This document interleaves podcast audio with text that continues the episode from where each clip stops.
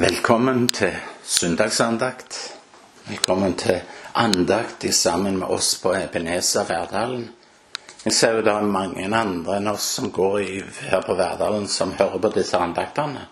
Og hver enkelt en, vær velkommen.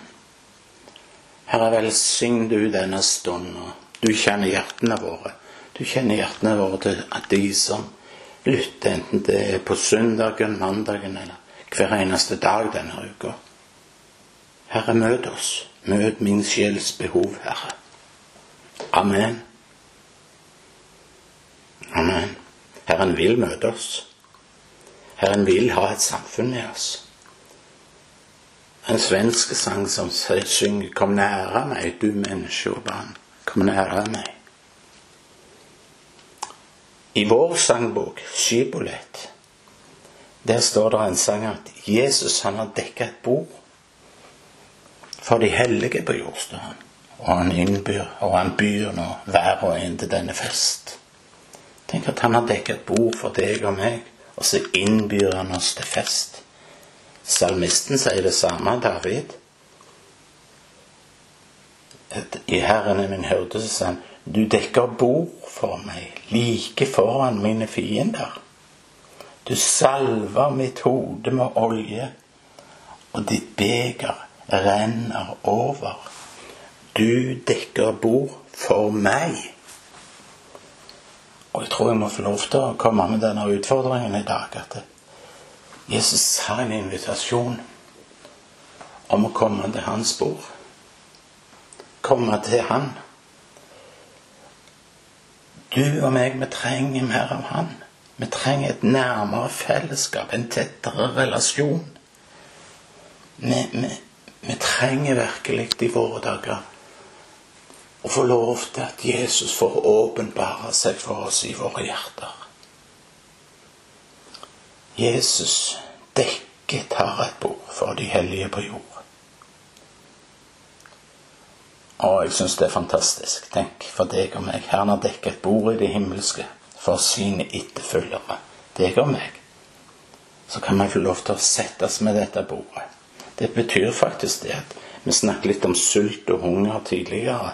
At denne sulten og hungeren etter Jesus, det betyr at vi i tro skal få lov til å settes med dette bordet og ta for oss av rettene. Er ikke det fantastisk? Bordet er, det er på en måte et symbol. Det er symbolsk, kan du si det? Hvis vi leser bibelhistorien vår, så ser vi jo at kongene i Israel hadde òg et kongelig bord. Og det var en stor ære å få tildelt plass med det bordet. Det var med det bordet kongen delte sin visdom. Han åpna sitt hjerte for alle som var invitert til bordet hos han. Og De tre første kongene i Israel gir oss forskjellige eksempler på dette. her. Kong Saul inviterte David og ga han plass med bordet. David, da han var konge, så avsatte han plass til Jonathans sønn Mefiboset. Og i kong Salomos dager så satt dronning Saba der og beundra det fantastiske festmåltidet som var med kongens bord. Vi kan lese om det i andre krønikerne hit. Og kongen delte fra sitt hjerte med det bordet. Kan du se den åndelige betydningen for deg og meg? Vi har fått Hans ord, vi har Jesus, Hans ord. Den hellige ånd vil levendegjøre ordet og dele av skattene. Men du og meg må ta plass med dette himmelske bordet. Du vet, Kongens bord i Gammeltestamentet er jo et bilde på det festmåltidet som Jesus kaller deg og meg til i dag, med hans himmelske bord. Og Paulus ankommer med følgende instruks La oss holde høytid, sa han. Og med det mente Paulus at vi måtte ha en klar forståelse at vi er virkelig tildelt en plass der med Jesu kongelige bord. Så sier Paulus kom hver gang. Jeg sier la ikke noen si at plassen din står tom. Saul sa om David, hvorfor kom han ikke til mitt bord? Hvor er David? Og så kjenner jeg, Tenk om Jesus hadde sagt det til meg og til deg. Hvorfor er du ikke med mitt bord? Vi har ingen rett til å holde oss vekke fra festen. Jesus sier, 'Jeg ga deg en plass med mitt kongelige bord', og det er der mine tjenere får se mitt ansikt i hans ordvenner. Det er der de hører min visdom, og det er der de blir kjent med meg. Og det er der de er i min nærhet. Og der jeg gir deg livets brød, livsens brød. Så la oss ikke ta så lettvint på dette her. Vi må innta vår plass, lønnkammerkroken eller hvor det er. Snakke med Jesus, være med han og sette oss ned og ha festmåltid med han. Om det er i menigheten, om det er hvor enn det er, det vet ikke jeg. Herren tiltalte meg en gang og sa Svein, du springer rundt og arbeider for meg taler og tjener. Hvorfor setter du deg ikke ned og lærer av meg? Det er vondt å få en sånn tiltale. Jeg tror at vi kristne kanskje ikke forstår hva for en ære som er blitt vist oss. Vi er oppreist med Kristus for å sitte sammen med Han i det himmelske.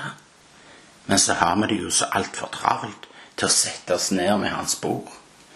Vi gjør mer og mer for en Jesus som vi kjenner mindre og mindre. Og med en misforståelse så henter vi vår åndelige glede fra tjenesten istedenfor fra samfunnet med Han. Martha, Martha, sa Jesus. Du gjør deg strev og uro med mange ting, men ett er nødvendig. Maria har valgt en god del. Den skal ikke tas fra henne. Og så synger vi sangen ved Jesu føtter ei stille stund når ordet kommer fra hans egen munn. Og det er akkurat denne festmåltidet vi snakker om. Og hva tror du at eh, Herren vil med oss, mest av alt med oss? Hva er det som velsigner Jesus? Hva som fryder han, tror du? Er det at eh, vi bygger noe for han, som bygger ut menighetslokale som vi gjør, eller planter flere menigheter? Det er så populært å snakke om. Å, gjerne, å, du føler det kryr. Vi har planta så og så mange menigheter. Eller at vi åpner flere bibelskoler eller evangeliesentre. Nei, venner. Han som ikke bor i et hus gjort med hender, han vil så mye mer enn det. Salomo han trodde jo han hadde bygd en evig bolig for Gud. han. Men i løpet av 50 år så var den i ferd med å forfalle. Og på mindre enn 400 år så var han fullstendig vekke. Og i lys av evigheten så ble jo dette bare et lite blunk. Hva kan vi utrette for herlighetens Gud, som allerede har all herlighet?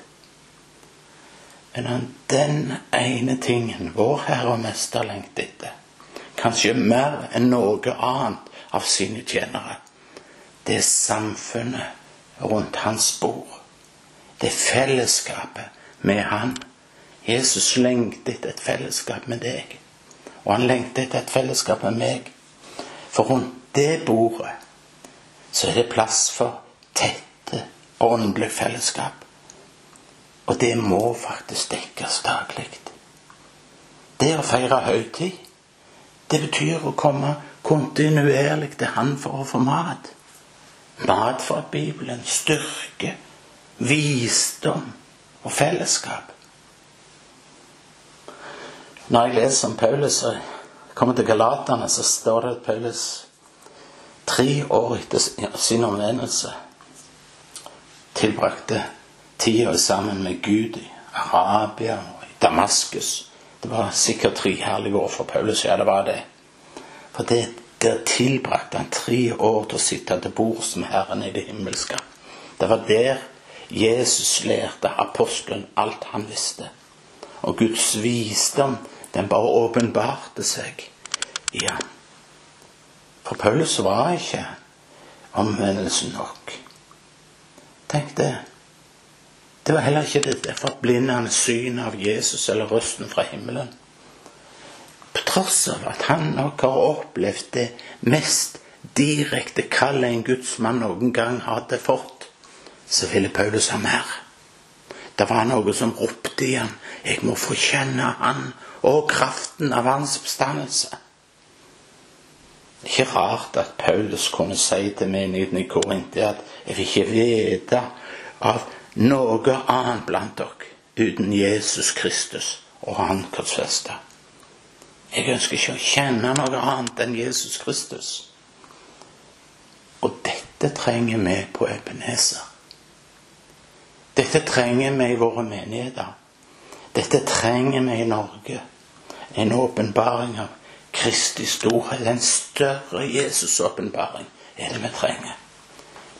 Kristne høvdinger før oss. Jeg har iallfall lest det hadde ett mål for øya de. De ønsker en større åpenbaring av Kristus.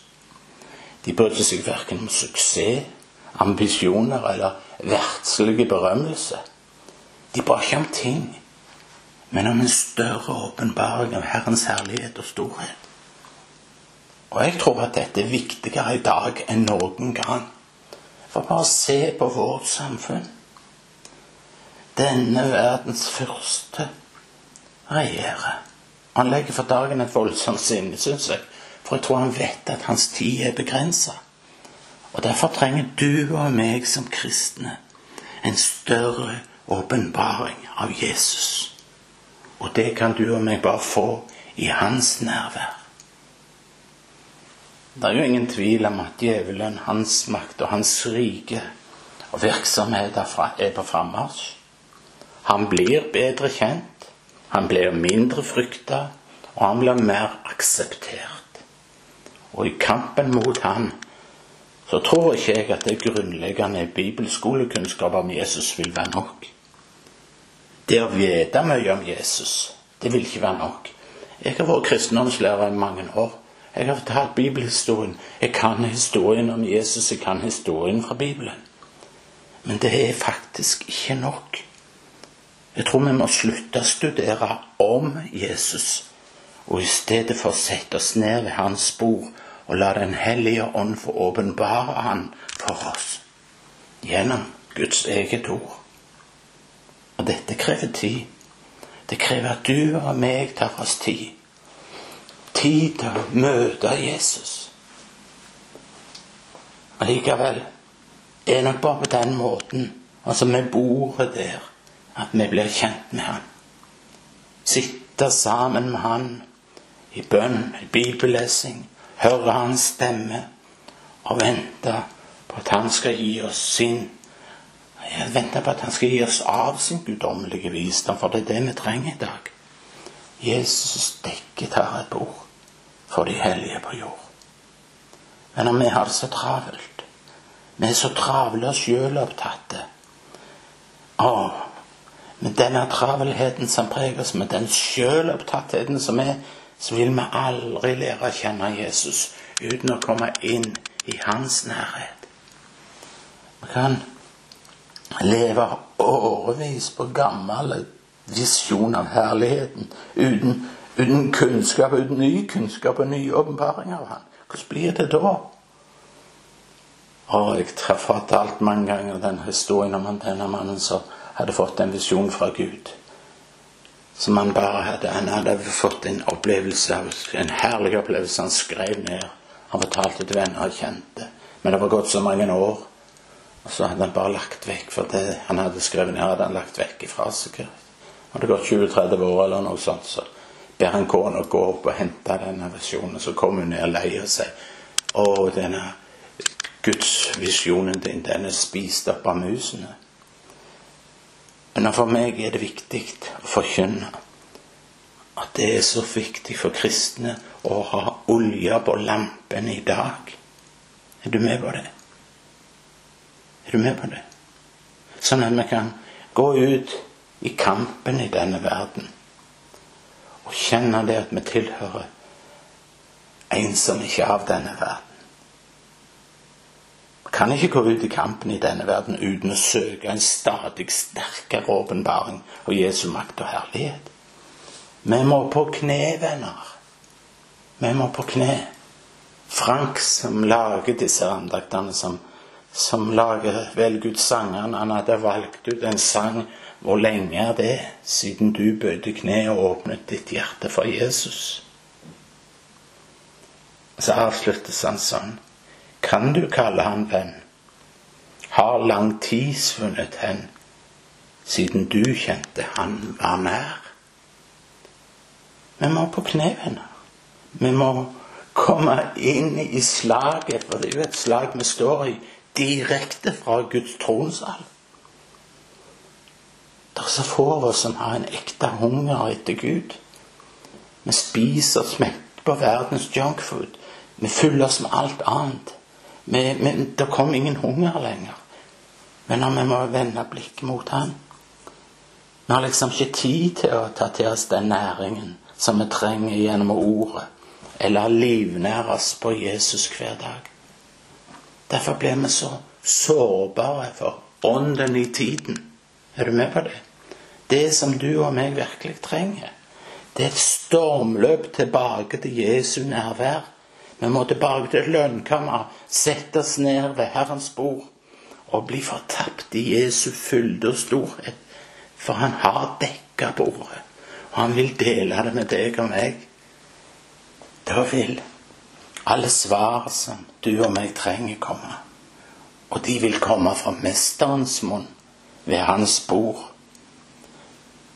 Når du og meg bruker tid med hans bord og lærer av ham, i hans nærhet. For han inviterer deg inn til sin nærhet. Og igjen bør gjerne Paulus være et eksempel for oss. Jeg tror jeg skal snart slutte nå. Alt det han visste om Jesus, Paulus, det hadde han lært gjennom åpenbaring. Han fikk lære det med Herrens bord. Og der ble det til en sannhet for ham ved Den hellige ånd. Den hellige ånd kjenner de dype og skjulte hemmelighetene i Gud. Paulus ba konstant om nådegaven til å forstå og til å forkynne Kristi uransakelige rikdom. Og så sier han til disse uransakelige rikdommene har vi virkelig frimodighet, og ved troa på Han så har vi adgang med tillit vi leser det i Efesene 3,12. Måtte Gud tilgi oss for at vi ikke benytter oss av denne adgang med tillit til Hans enorme rikdommer i herlighet. Jesus vil at vi skal ha en hunger i den åpenbaring av ham. En åpenbaring som blir min og din personlige. Det er derfor han har dekket et bord. Det er derfor han inviterer deg og meg til å ta plass med dette bordet. Han vil at vi skal ha et djupt, personlig og intimt samfunn med han. Velkommen til bords, sier Jesus i dag. Og det vi trenger mest av alt i vår tid, det er Guds ufeilbarlige ord. Altså, det er ekte og levende ord, og en åpenbaring av det ekte og levende ordet. Vet, Det fins ingen erstatning for Guds nærvær. Når du først får smaken på det, da skaper det en jubel lengsel etter noe mer enn i oss. Mer enn noe annet trenger du og meg å se Guds herlighet iblant oss. Og kjenne på denne himmelske atmosfæren som gjester oss. Det er den som tenner på ny ilden i ditt og mitt hjerte og bringer vekkelse til land og folk. Amen. Må Herren velsigne deg og bevare deg. Må Herren la sitt ansikt lyse over deg og være deg nådig. Må Herren løfte sitt ansikt på deg og gi deg fred. Amen.